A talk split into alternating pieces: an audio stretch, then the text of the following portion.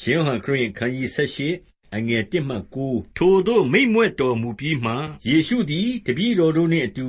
ကေဒြုန်ချောင်းတဘက်သို့ကြွ၍ထိုအရပ်၌ရှိသော ဥယျာဉ်သို့ ဝင်တော်မူ၏။ထိုအရပ်သို့ ယေရှုသည် တပည့်တော်တို့နှင့်အတူ သွားမြဲရှိသောကြောင့်၊ကိုယ်တော်ကို အပ်နှံသော ယုဒရှကာရုတ်သည် ထိုအရပ်ကို သိသည်ဖြစ်၍၊စစ်သူရဲတတပ်ကို၎င်း၊ယဇ်ပုရောဟိတ်အကြီးတို့နှင့် ဖာရိရှဲတို့စေလွှတ်သော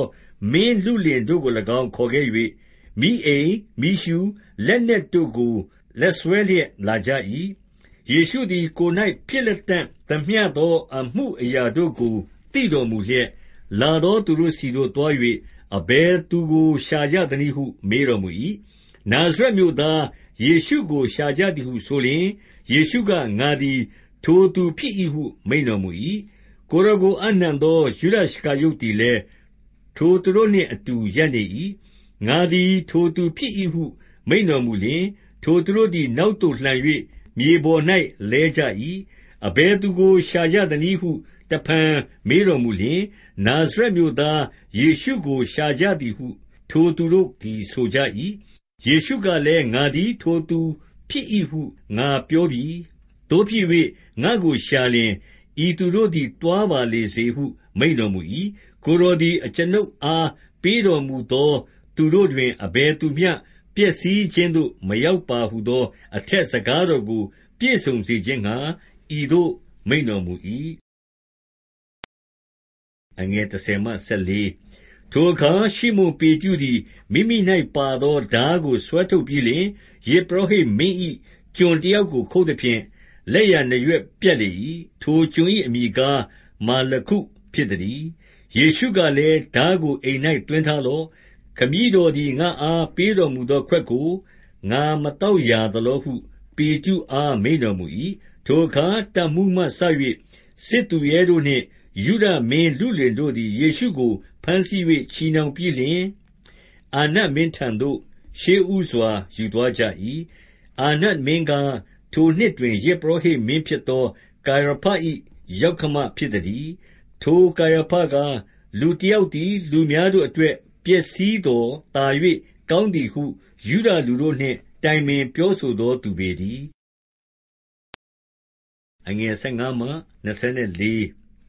ရှိမုန်ပေတရုနှင့် အခြားသော တပည့်တော် တယောက်သည်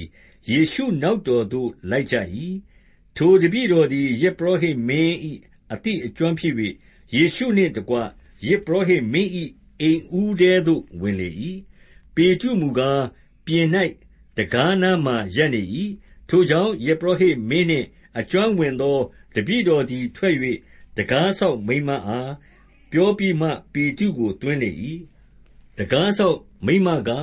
ပေတရုအား၊သင်သည် ထိုသူ၏တပည့်တို့အဝင်ဖြစ်သည်မဟုတ်လောဟုဆိုလျှင်၊မဟုတ်ဘူးဟု ပေတရုငြင်းလေ၏။ထိုကာလ၌ချမ်းသောကြောင့် ကျွန်များနှင့် မင်းလုလင်များတို့သည် မီးခဲပုံကိုထည့်၍မီးလုံလျက်နေကြ၏။ပေတရုသည်လည်း သူတို့နှင့်တကွ ရပ်၍မီးလုံလျက်နေ၏။ထိုအခါ ယဇ်ပုရောဟိတ်မင်းသည် တပည့်တော်တို့ကို၎င်း၊ဒေသနာတော်ကို၎င်း အကြောင်းပြု၍ယေရှုကို မေးမြန်းစစ်ကြော၏။ယေရှုကလည်း၊ငါသည် လောက၌ထင်ရှားစွာ ဟောပြောပြီ။ယုဒလူအပေါင်းတို့ စည်းဝေးရာ တရားစရပ်၌၎င်း၊ဗိမာန်တော်၌၎င်း အစဉ်မပြတ် ဆုံးမဩဝါဒပေးပြီ။မထင်ရှားဘဲ အလျှင်းမဟောမပြော။အဘယ်ကြောင့် ငါ့ကို မေးမြန်းသနည်း။ငါသည် အဘယ်သို့ ဟောပြောသည်ကို ကြားနာသော သူတို့ကို မေးမြန်းလော့။ငါဟောပြောသော စကားကို ထိုသူတို့သည် သိကြ၏ဟု မိန့်တော်မူ၏။ထိုသို့ မိန့်တော်မူလျှင်၊အနီးအပါး၌ရပ်နေသော မင်းလုလင်တယောက်က၊သင်သည် ယဇ်ပုရောဟိတ်မင်းကို ဤသို့ ပြန်ပြောရာသလောဟု ဆိုလျက် ယေရှုကို ရိုက်လေ၏။ ယေရှုကလည်း၊ငါ့စကားမမှန်လျှင် မမှန်ကြောင်းကို ပြပါ။မှန်လျှင် ငါ့ကို အဘယ်ကြောင့် ရိုက်သနည်းဟု မိန့်တော်မူ၏။အာနတ်မင်းသည် ကိုယ်တော်ကို ချည်နှောင်လျက်ရှိသည်အတိုင်း ယဇ်ပုရောဟိတ်မင်းကာယဖထံသို့ ပို့စေခဲ့ပြီ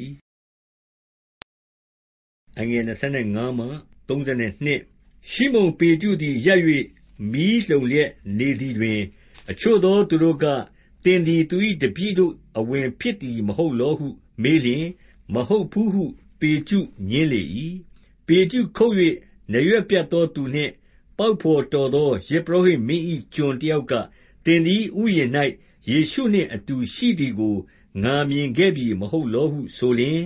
ပေတရုသည် တဖန်ငြင်းပြန်လေ၏။ထိုခဏခြင်းတွင် ကြက်တွန်၏။နံနက်အချိန်ရောက်လျှင်၊ယေရှုကိုကရဖထံမှ အိမ်တော်ဦးသို့ ဆောင်သွားကြ၏။ ထိုသူတို့သည် အာပနှင့် ကင်းလွတ်၍ပသခါပွဲကို ခံရမည်အကြောင်း၊အိမ်တော်ဦးထဲသို့ ကိုယ်တိုင်မဝင်ကြ။ထိုကြောင့် ပိလတ်မင်းသည် သူတို့ရှိရာသို့ ထွက်၍၊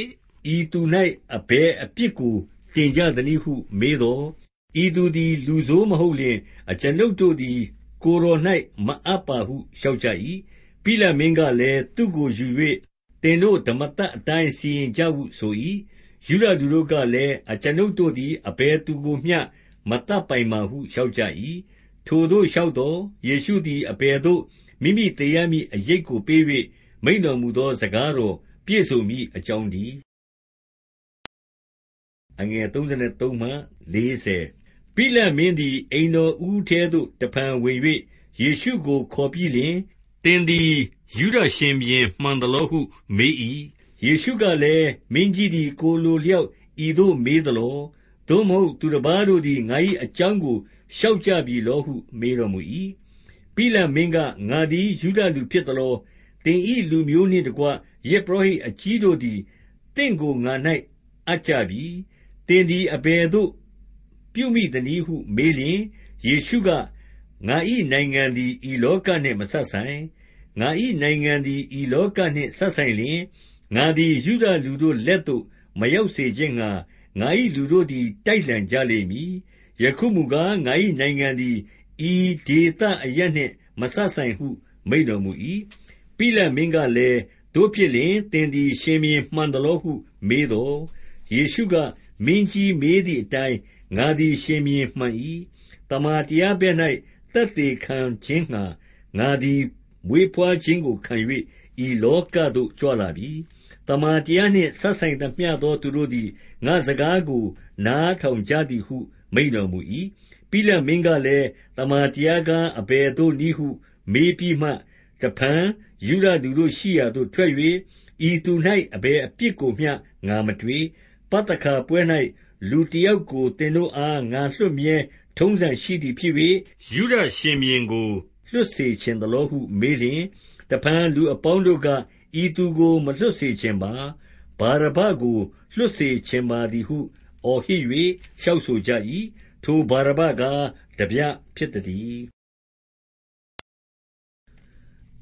ရှင်ယောဟန်ခရစ်ဝင်အခန်းကြီး19အငယ်1မှ9ထိုအခါ ပိလတ်မင်းသည် ယေရှုကိုယူ၍ရိုက်ပြီးမှ၊စစ်သူရဲတို့သည် ဆူးပင်နှင့် ရက်သော ဦးရစ်ကို ခေါင်းတော်၌တင်၍ နီမောင်းသော ဝတ်လုံနှင့် ခြုံစေပြီးလျှင်၊ယုဒရှင်ဘုရင်၊ကိုယ်တော်သည် မင်္ဂလာရှိစေသတည်းဟုဆို၍ရိုက်ပုတ်ကြ၏။ပိလတ်မင်းကလည်း၊ဤသူ၌အဘယ်အပြစ်ကိုမျှ ငါမတွေ့ကြောင်းကို သင်တို့သိစေခြင်းငှါ သူ့ကို သင်တို့ရှိရာသို့ ငါထုတ်ပြသည်ဟုဆို၏။ထိုအခါ ယေရှုသည် ဆူးပင်ဦးရစ်နှင့် နီမောင်းသော ဝတ်လုံကို ဝတ်လျက် ပြင်သို့ထွက်ကြွတော်မူ၏။ပိလတ်မင်းကလည်း၊သူ့ကို ကြည့်ကြလော့ဟုဆို၏။ ယဇ်ပုရောဟိတ်အကြီးတို့နှင့် လုလင်များတို့က၊ထိုသူကို လက်ဝါးကပ်တိုင်မှာ ရိုက်ထားပါ။ရိုက်ထားပါဟု ဟစ်ကြော်ကြ၏။ပိလတ်မင်းက၊သင်တို့သည် သူ့ကိုယူ၍လက်ဝါးကပ်တိုင်မှာ ရိုက်ထားကြ။ငါသည် သူ၌အပြစ်ကို မတွေ့ဟုဆိုလျှင်၊ယုဒလူတို့က၊ဤသူသည် ဘုရားသခင်၏သားတော်ဖြစ်ယောင်ဆောင်သောကြောင့်၊အကျွန်ုပ်တို့၌ရှိသော ဓမ္မသတ်အတိုင်း သေထိုက်ပါသည်ဟု လျှောက်ကြ၏။ ထိုစကားကိုကြားလျှင်၊ပိလတ်မင်းသည် သာ၍ကြောက်သဖြင့်၊အိမ်တော်ဦးထဲသို့ ဝင်ပြန်၍၊ယေရှုအား သင်သည် အဘယ်ကဖြစ်သနည်းဟု မေးလျှင်၊တခွန်းကိုမျှ ပြန်တော်မမူ။ပိလတ်မင်းကလည်း၊ငါနှင့်စကားမပြောသလော။ငါသည် သင့်ကို လက်ဝါးကပ်တိုင်မှာ ရိုက်ထားပိုင်သည်ကို၎င်း၊လွှတ်ပိုင်သည်ကို၎င်း သင်မသိလောဟုဆိုသော်၊အထက်အရပ်မှ အခွင့်ကိုမရလျှင် မင်းကြီးသည် ငါ့ကို အဘယ်သို့မျှ မပြုနိုင်။ ထိုကြောင့် ငါ့ကို မင်းကြီးလက်သို့ အပ်နှံသောသူသည် သာ၍ကြီးသောအပြစ်ရှိသည်ဟု မိန့်တော်မူ၏။ထိုအခါမှစ၍ပိလတ်မင်းသည် ကိုယ်တော်ကို လွှတ်ခြင်းငှါ ရှာကြံလေ၏။ယုဒလူတို့ကလည်း၊ထိုထိုသူကိုလွှတ်လျှင် ကိုယ်တော်သည် ကဲသာဘုရင်၏အဆွေမဟုတ်ပါ။ရှင်ဘုရင် လုပ်သောသူမည်သည်ကား၊ကဲသာဘုရင်၏ရန်သူဖြစ်ပါသည်ဟု လျှောက်ကြ၏။ ထိုစကားကိုကြားလျှင်၊ပိလတ်မင်းသည် ယေရှုကို ပြင်သို့ထုတ်ပြီးမှ၊ဟေဗြဲစကားအားဖြင့် ဂဗ္ဗသအမည်ရှိ၍ကျောက်ခင်းဟုခေါ်ဝေါ်သော အရပ်၌တရားပလ္လင်ပေါ်မှာ ထိုင်လေ၏။ထိုနေ့အချိန်ကား၊ပသခါအဘိတ်နေ့ တချက်တီးအချိန်လောက်ရှိ၏။ပိလတ်မင်းကလည်း၊သင်တို့၏ရှင်ဘုရင်ကို ကြည့်ကြလော့ဟု ယုဒလူတို့အား ပြောဆိုလျှင်၊ထိုသူကို ထုတ်ပါ။ထုတ်ပါ။လက်ဝါးကပ်တိုင်မှာ ရိုက်ထားပါဟု လူများဟစ်ကြော်ကြ၏။ပိလတ်မင်းကလည်း၊သင်တို့၏ရှင်ဘုရင်ကို လက်ဝါးကပ်တိုင်မှာ ရိုက်ထားရမည်လောဟု မေးပြန်လျှင်၊ယဇ်ပုရောဟိတ်အကြီးတို့က၊အကျွန်ုပ်တို့၌ကဲသာဘုရင်မှတပါး အဘယ်ရှင်ဘုရင်မျှ မရှိပါဟု ပြန်ပြောကြ၏။ထိုအခါ ပိလတ်မင်းသည် ယေရှုကို လက်ဝါးကပ်တိုင်မှာ ရိုက်ထားစေခြင်းငှါ ထိုသူတို့လက်သို့ အပ်သဖြင့်၊သူတို့သည် ကိုယ်တော်ကိုယူ၍ထုတ်သွားကြ၏။ ကိုယ်တော်သည် မိမိလက်ဝါးကပ်တိုင်ကို ထမ်းလျက်၊ဦးခေါင်းခွံအရပ်ဟူ၍တွင်သောအရပ်သို့ ထွက်တော်မူ၏။ထိုအရပ်ကား၊ဟေဗြဲစကားအားဖြင့် ဂေါလဂေါသ အမည်ရှိ၏။ထိုအရပ်၌ကိုယ်တော်ကို အခြားသောသူနှစ်ယောက်နှင့်တကွ လက်ဝါးကပ်တိုင်မှာ ရိုက်ထားကြ၏။ထိုသူနှစ်ယောက်အလယ်မှာ ယေရှုသည် နေရာကျသတည်း။ပိလတ်မင်းသည်လည်း ကဗည်းလိပ်စာကိုရေး၍ လက်ဝါးကပ်တိုင်တော်၌တပ်လေ၏။လိပ်စာချက်ဟူမူကား၊ယုဒရှင်ဘုရင် နာဇရက်မြို့သား ယေရှုဟု ရေးထားသတည်း။ယေရှုကို လက်ဝါးကပ်တိုင်မှာ ရိုက်ထားသော အရပ်သည် မြို့နှင့်နီးသည်ဖြစ်၍၊ထိုလိပ်စာကို ဟေဗြဲဘာသာ၊ဟေလသဘာသာ၊ရောမဘာသာအားဖြင့် ရေးထားသောကြောင့် ယုဒလူများတို့သည် ဘတ်ကြ၏။ထိုကြောင့် ယုဒယဇ်ပုရောဟိတ်အကြီးတို့သည် ပိလတ်မင်းထံသို့ဝင်၍၊ ယုဒရှင်ဘုရင်ဟု မရေးပါနှင့်။ငါသည် ယုဒရှင်ဘုရင်ဖြစ်သည်ဟု သူဆိုကြောင်းကို ရေးတော်မူပါဟု လျှောက်ကြလျှင်၊ပိလတ်မင်းက၊ငါရေးပြီးသောအရာကို ငါရေးပြီဟု ပြန်ဆို၏။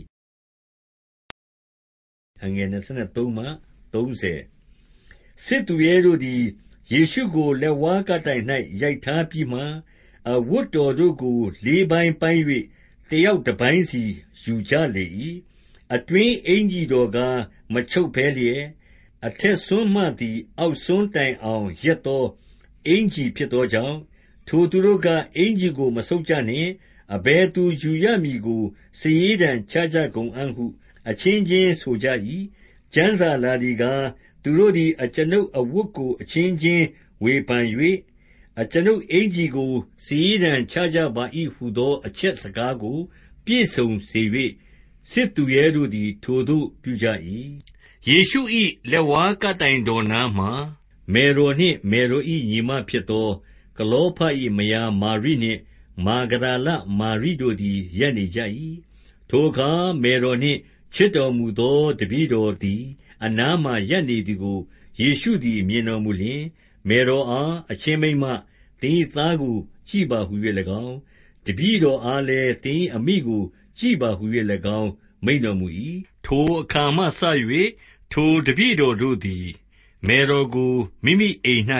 သိမ်းထား၏။ထိုနောက်မှ ကျမ်းစာပြည့်စုံစေခြင်းငှါ အမှုရှိသမျှ ကုန်စင်ပြီးသည်ကို သိတော်မူလျှင် ရေငတ်သည်ဟု မိန့်တော်မူ၏။ထိုအရပ်၌ပုံးရည်နှင့်ပြည့်သော အိုးတလုံးရှိသည်ဖြစ်၍၊ထိုသူတို့သည် ရေမှုန့်တထွေးကို ပုံးရည်နှင့် ပြည့်စေပြီးလျှင်၊ ဟုဿုပ်ပင်အခိုင်ဖျား၌တပ်၍ခံတွင်းတော်သို့ ကပ်ထားကြ၏။ယေရှုသည် ပုံးရည်ကိုခံပြီးမှ၊အမှုပြီးပြီဟု မိန့်တော်မူလျက်၊ခေါင်းတော်ကို ငိုက်ဆိုက်ညွှတ်၍အသက်တော်ကို စွန့်တော်မူ၏။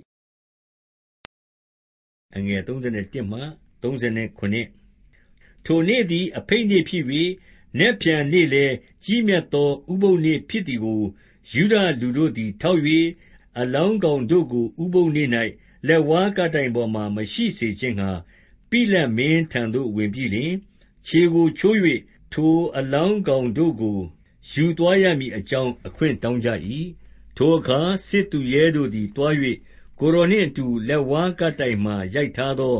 သူနှစ်ယောက်တို့၏ခြေကိုချိုးလေ၏ယေရှုထံသို့ရောက်၍အသက်မရှိကြောင်းကို မြင်လျှင်၊ခြေကိုမချိုးဘဲ စစ်သူရဲတယောက်သည် နံမေးတော်ကို လှံနှင့်ထိုးဖောက်၍ သွေးနှင့်ရေသည် ချက်ခြင်းထွက်လာ၏။ထိုအကြောင်းအရာကို မြင်သောသူသည် သက်သေခံ၏။သူ၏သက်သေခံချက်သည်လည်း မှန်ပေ၏။သင်တို့သည် ယုံကြည်မည်အကြောင်း သူပြောသောစကားမှန်သည်ကို သူသိ၏။ထိုအကြောင်းအရာကား၊သူ၏အရိုးကို မချိုးရဟု ကျမ်းစာလာချက်ပြည့်စုံမည်အကြောင်းတည်း။တဖန် ကျမ်းစာလာသည်ကား၊ထိုသူတို့သည် မိမိတို့ ထိုးဖောက်သောသူကို ရှုမြင်ရကြလိမ့်မည်ဟုလာ၏။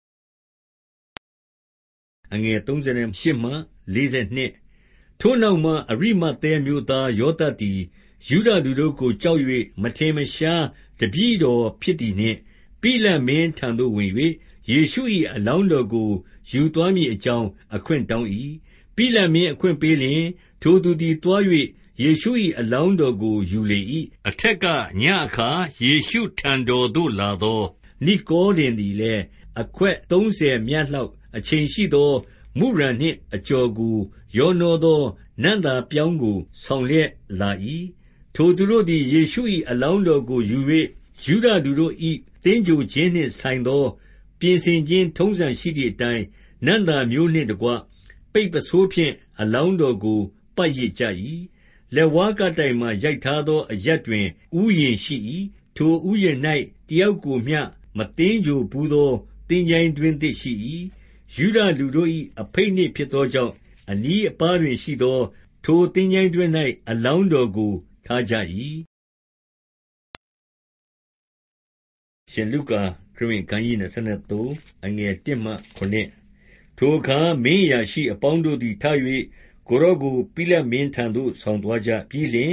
ဤသူသည် ပြည်သူပြည်သားများကို လှည့်ဖြား၍မိမိသည် ခရစ်တော်ကြီးဟုသော ရှင်ဘုရင်ဖြစ်ကြောင်းကို ဆိုလျက် ကဲသာဘုရင်ကို အခွန်မဆက်နှင့်ဟု မြစ်တားသည်ကို အကျွန်ုပ်တို့ တွေ့ပါပြီဟု အပြစ်တင်ကြ၏။ပိလတ်မင်းက၊သင်သည် ယုဒရှင်ဘုရင် မှန်သလောဟု ယေရှုကိုမေးလျှင်၊မင်းကြီးမေးသည်အတိုင်း မှန်သည်ဟု မိန့်တော်မူ၏။ပိလတ်မင်းက၊ ဤသူ၌အဘယ်အပြစ်ကိုမျှ ငါမတွေ့ဟု ယဇ်ပုရောဟိတ်အကြီးတို့နှင့် လူအပေါင်းတို့အား ပြောဆိုလျှင်၊ထိုသူတို့သည် သာ၍ပြင်းစွာသောအသံနှင့် ဟစ်ကြော်လျက်၊ဤသူသည် ဂါလိလဲပြည်မှစ၍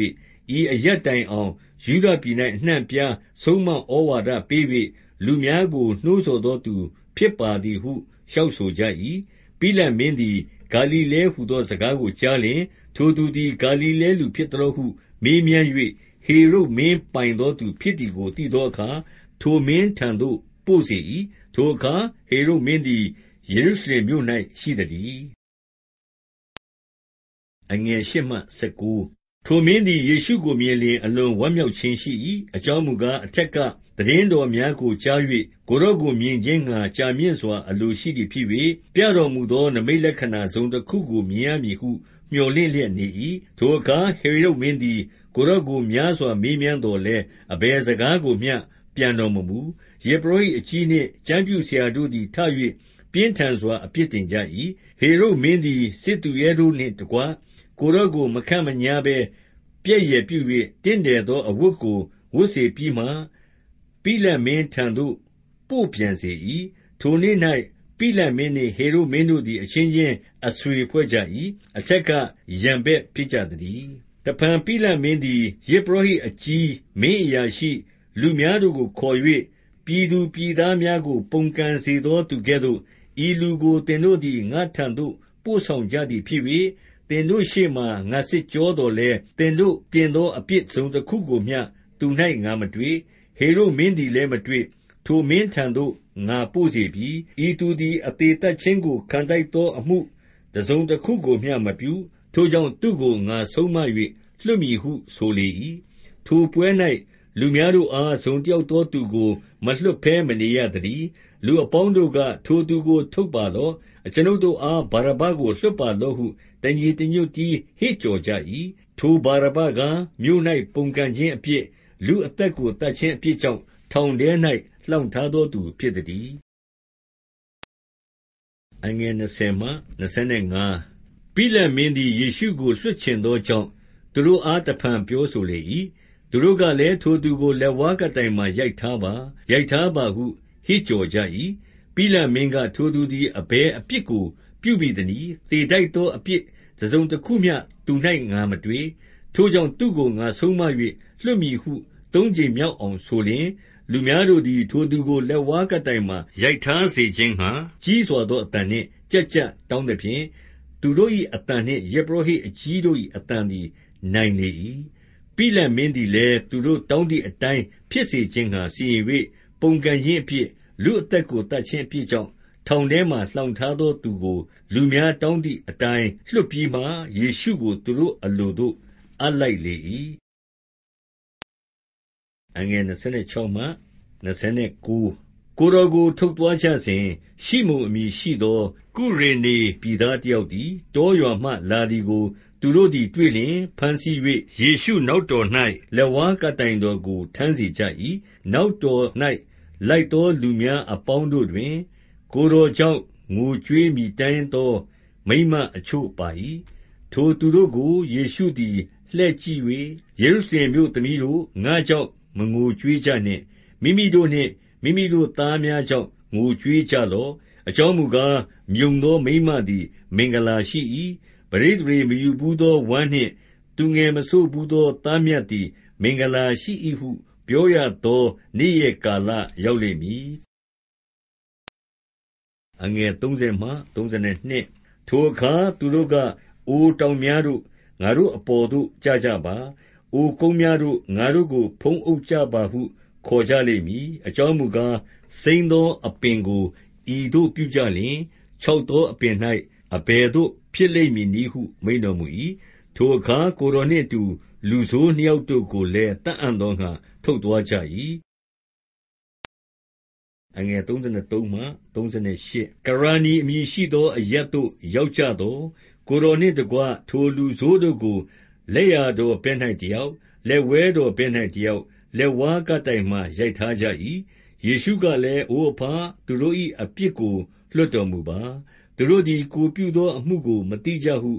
မြွက်ဆိုတော်မူ၏။အဝတ်တော်ကိုလည်း စာရေးတံချ၍ဝေဖန်ကြ၏။လူများတို့သည်လည်း ကြည့်ရှုလျက် ရပ်နေကြ၏။ထိုသူတို့နှင့်အတူ မင်းအရာရှိတို့က၊ဤသူသည် သူတပါးတို့ကို ကယ်တင်တတ်၏။ခရစ်တော်တည်းဟူသော ဘုရားသခင် ရွေးချယ်တော်မူသောသူမှန်လျှင် ကိုယ်ကို ကယ်တင်ပါလေစေဟူ၍ပြက်ယယ်ပြုကြ၏။စစ်သူရဲတို့သည်လည်း လာ၍ပုံးရည်ကို ကပ်ပေးလျက်၊သင်သည် ယုဒရှင်ဘုရင်မှန်လျှင် ကိုယ်ကို ကယ်တင်လော့ဟု ပြက်ယယ်ပြုလျက် ဆိုကြ၏။ခေါင်းတော်ပေါ်မှာ တပ်၍အပြစ်ဘော်ပြသောကပီးလိပ်စာချက်ဟူမူကား၊ဤသူသည် ယုဒရှင်ဘုရင်ပေတည်းဟု ဟေဗြဲဘာသာ၊ဟေလသဘာသာ၊ရောမဘာသာအားဖြင့် ရေး၍ ခေါင်းတော်ပေါ်မှာ တပ်သတည်း။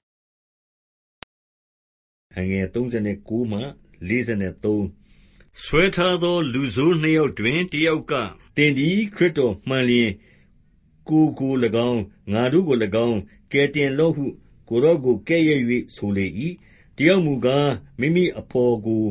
ဆုံးမ၍၊သင်သည် ဤသူနည်းတူ အပြစ်ဒဏ်ခံလျက်ပင် ဘုရားသခင်ကို မကြောက်သလော။ ငါတို့သည် ကိုယ်ပြုမိသောအပြစ်နှင့် အလျောက်ခံရသည်ဖြစ်၍၊တရားသဖြင့် ခံရကြ၏။ဤသူမူကား၊အဘယ်အပြစ်ကိုမျှ မပြုဟုဆိုပြီးလျှင်၊သခင်၊ကိုယ်တော်သည် နိုင်ငံတော်တည်လျက် ကြွလာတော်မူသောအခါ အကျွန်ုပ်ကို အောက်မေ့တော်မူပါဟု ယေရှုကို လျှောက်ဆို၏။ယေရှုကလည်း၊ငါအမှန်ဆိုသည်ကား၊ယနေ့တွင် သင်သည် ငါနှင့်အတူ ပရဒိသုဘုံ၌ရှိလိမ့်မည်ဟု မိန့်တော်မူ၏။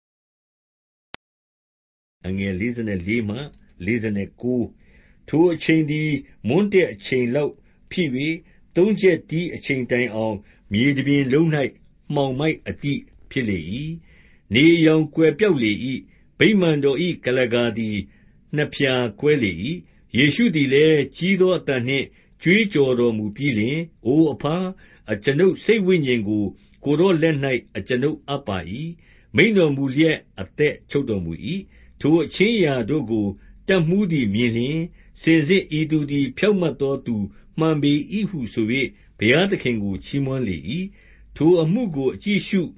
လာသောသူအပေါင်းတို့သည် ထိုအခြင်းအရာများကို မြင်လျှင်၊ရင်ပတ်ကိုခတ်၍ပြန်သွားကြ၏။ဂါလိလဲပြည်မှ နောက်တော်သို့လိုက်သော မိန်းမတို့နှင့် ကိုယ်တော်ကို သိကျွမ်းသောသူအပေါင်းတို့သည်လည်း အဝေးကကြည့်ရှု၍ရပ်နေကြ၏။ ထိုအခါ ယုဒပြည်အရိမဿဲမြို့သား ယောသပ်အမည်ရှိသော လွှတ်အရာရှိတယောက်သည် အခြားသော လွှတ်အရာရှိတို့၏တိုင်ပင်စီရင်ခြင်းကို ဝန်ခံသောသူမဟုတ်၊ဘုရားသခင်၏နိုင်ငံတော်ကို မြော်လင့်သော သူတော်ကောင်းသူတော်မြတ်ဖြစ်သည်နှင့်၊ပိလတ်မင်းထံသို့ဝင်၍ယေရှု၏အလောင်းတော်ကို တောင်းလေ၏။အလောင်းတော်ကိုချ၍ပိတ်ချောနှင့် ပတ်ရစ်ပြီးလျှင်၊တယောက်ကိုမျှ မသင်္ဂြိုဟ်ဘူးသော ကျောက်သင်္ချိုင်းတွင်း၌ထားလေ၏။ထိုနေ့ကား အဘိတ်နေ့ဖြစ်၍ဥပုသ်နေ့ အချိန်နီးသတည်း။ဂါလိလဲပြည်က ကိုယ်တော်နှင့်အတူလာသော မိန်းမများသည် သင်္ချိုင်းတော်ကို၎င်း၊အလောင်းတော်ကို၎င်း အဘယ်သို့ထားသည်ကို အကြည့်အရှုလိုက်လာကြ၏။ထိုနောက်မှ ပြန်သွားပြီးလျှင်၊ဆီမွှေးနှင့် နံ့သာမျိုးကို ပြင်ဆင်၍ပညတ်တော်အတိုင်း ဥပုသ်နေ့၌အလုပ်မလုပ်ဘဲ နေကြ၏။